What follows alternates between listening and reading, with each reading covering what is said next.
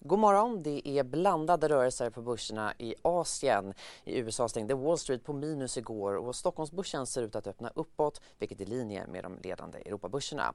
Det är fredag den 15 juni juli. Varmt välkomna till DI Morgonkoll med mig, Filippa Fernqvist. Nu på morgonen så har Handelsbanken precis släppt sin rapport för andra kvartalet. Resultatet på 5,2 miljarder kronor var något lägre än väntat. Bland annat var bankens provisionsnetto också lägre än väntat och utvecklingen för finansiella transaktioner blev negativ i kvartalet. Räntenettot var däremot bättre än väntat. Vi har också fått in eh, dagligvarujätten Axfoods rapport som var i linje med förväntan. Rörelseresultatet landade på 700 289 miljoner kronor och marginalen blev 4,3 procent. Så till Asien. För i Kina så kom landets BNP-utfall som en besvikelse för marknaden som var svagare än väntat med den lägsta tillväxten på två år. Landets BNP steg med 0,4 procent i årstakt och jämfört med det första kvartalet så minskade BNP med 2,6 procent. Och enligt eh, statistikbyrån NSB så ökade nedåttrycket mot den kinesiska ekonomin avsevärt under det andra kvartalet samtidigt som annan data visade på klart starkare detaljhandel än väntat då i, i förra månaden. Arbetslösheten var lägre samtidigt som industri, industriproduktionen också kom in lägre än prognosen. Shanghai-börsen är svagt ner och Shenzhen-börsen upp en halv procent. I Hongkong är Hang Seng-index ner drygt 1 procent och i Japan så är Tokyo-börsen upp en halv procent. Så till USA och börserna på Wall Street eh, som inte lyckades eh, bryta nedgångstrenden igår. Och S&P och Dow Jones har stängt neråt nu fem dagar i rad. Tekniktunga Nasdaq steg dock marginellt. De amerikanska storbankerna som rapporterade, JP Morgan och eh, Morgan Stanley föll båda efter sina rapporter. JP Morgan rapporterade kraftigt fallande vinst och backade 3,5 procent. Flera av eh, bankkollegorna backade också och idag så rapporterade...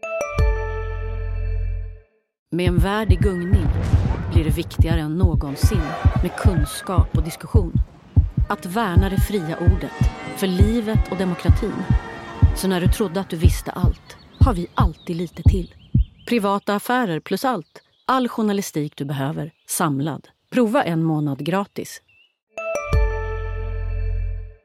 Wells Fargo och Citigroup. Bättre gick det däremot för chiptillverkare och halvledarbolag. Den amerikanska senaten kan komma, att rösta igenom, kan komma att rösta om ett lagförslag som skulle kunna ge finansiering till den amerikanska halvledarindustrin redan på tisdag i nästa vecka. Den eh, sociala nätverkstjänsten Pinterest eh, rusade nästan 20% i efterhanden efter att aktivistfonden Elliot Management börjat köpa in sig. Enligt eh, aktivistfonden har man köpt 9% av aktierna och det gör då fonden till den enskilt största ägaren av Pinterest. Flera ledamöter Fed, inom Fed då var återigen ute och eh, talade efter veckans höga inflationsutfall. Fed-chefen i St. Louis, James Bullard ställde sig till en av dem som inte stöder en 100-punkters höjning men däremot med 75 punkter. Chefen för Feds eh, Dallaskontor, Christopher Waller, sa att han överväger att stödja en höjning eh, av styrräntan med en hel procentenhet, alltså 100 punkter. Och det hade i så fall inneburit den största höjningen på mer än 30 år. Ingen av dem tror att USA befinner sig i en lågkonjunktur och pekar på att den amerikanska arbetsmarknaden är stark.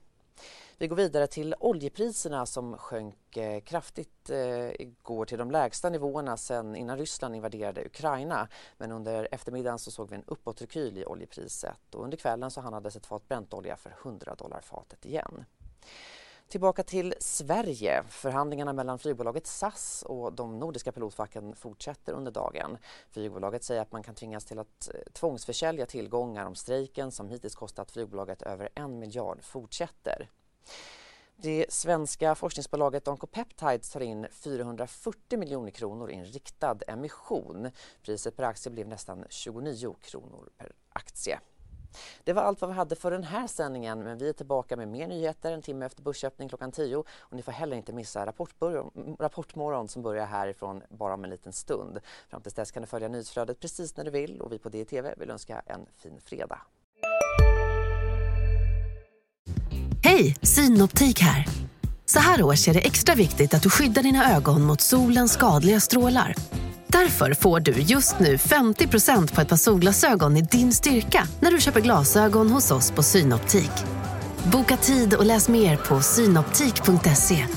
Välkommen! CSRD. Ännu en förkortning som väcker känslor hos företagare.